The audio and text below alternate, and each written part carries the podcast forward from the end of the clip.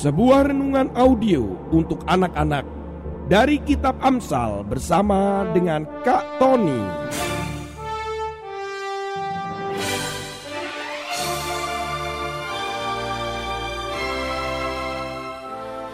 Audio inspiring message for kids. Selamat menikmati dan mendengarkan.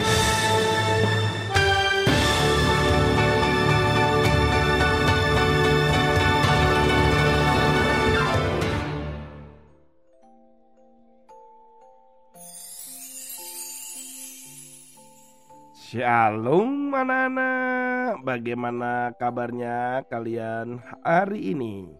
Ketemu lagi dengan Kak Tony untuk mendengarkan renungan nih Renungan. Ya tentunya Kak Tony selalu dengan cerita-cerita awal gitu. Nah kali ini Kak Tony akan menantang kalian.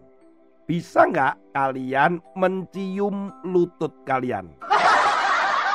Bisa nggak? Mencium lutut. Nah, dulu waktu Kak Tony latihan bulu tangkis, salah satu bentuk stretching supaya melenturkan otot-ototnya kakinya Kak Tony dan punggung itu salah satunya harus mencium lutut gitu. Wah, itu paling berat dan sakit sekali di belakang lutut itu rasanya tertarik sekali anak-anak. Tetapi Kak Tony kali ini tidak perlu menantang dengan Pak Lihua. Pak Lihua itu adalah seorang sejak umur 18 tahun tulangnya mengalami suatu penyakit yang langka sekali di dunia. Yaitu penyakit yang bernama spondilitis ankylosa. Di mana itu membuat Pak Liwa itu tulangnya terus menekuk, menekuk, menekuk, menekuk di punggungnya sehingga akhirnya Pak Liwa ini benar-benar wajahnya menyentuh lututnya. Jadi nggak perlu ditantang seperti kita tadi, dia memang langsung menyentuh lututnya, wajahnya. Dan itu berlangsung cukup lama sekali anak-anak tepatnya 28 tahun. Jadi selama 28 tahun wajahnya Pak Lindua itu ada di lututnya. Sehingga kalau melihat dia tidak bisa melihat ke depan tentunya ya kan anak-anak. Dia melihatnya dari belakang. Nah Pak Liwa itu memiliki seorang ibu berumur 71 tahun.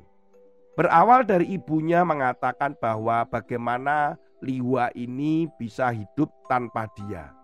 Karena sangat kesulitan sekali anak-anak. Pak Liwa untuk makan, untuk mandi, berpakaian akan sulit sekali karena tubuhnya betul-betul membungkuk, menekuk sampai wajahnya hampir menempel di lutut. Akhirnya dari dokter dan seluruh tim yang ada yang berasal dari Shenzhen yaitu Shenzhen University General Hospital akhirnya memutuskan untuk melakukan operasi kepada Li Hua. Walaupun ibunya mengatakan tidak ada biaya, tetapi ini adalah bantuan dari Shenzhen University. Setelah dilakukan empat kali operasi, yang di mana para dokter mengatakan ini adalah operasi yang sangat sangat sangat sangat sulit sekali, dan ini baru kejadian dan ini sangat langka. Setelah operasi empat kali dengan terapi selama berbulan-bulan, puji Tuhan anak-anak, akhirnya Pak Liwa bisa berdiri tegak lagi anak-anak.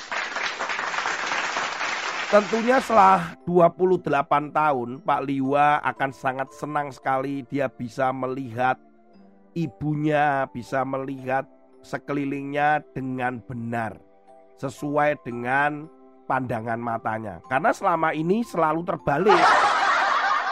Nah, tetapi Pak Liwa benar-benar sekarang ini benar-benar bisa melihat dengan benar.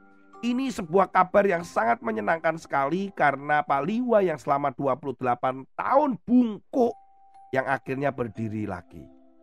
Wah, seneng ya. Selamat Pak Liwa. Nah, anak-anak, firman Tuhan hari ini terambil di dalam Amsal pasal yang ke-12 ayat yang ke-25. Kekhawatiran dalam hati membungkukkan orang, tetapi perkataan yang baik menggembirakan dia. Ketakutan, kekhawatiranmu itu bisa membungkukkan orang. Yang pertama yang kita pelajari anak-anak, membungkukkan itu artinya memberikan beban buat orang lain. Memberikan satu masalah buat orang lain. Contoh nih, kamu takut nih, aku takut tidak naik kelas.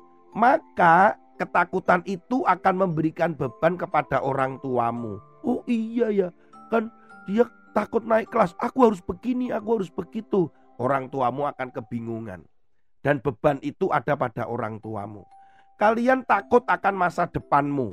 Maka orang tuamu akan memiliki beban yang berat.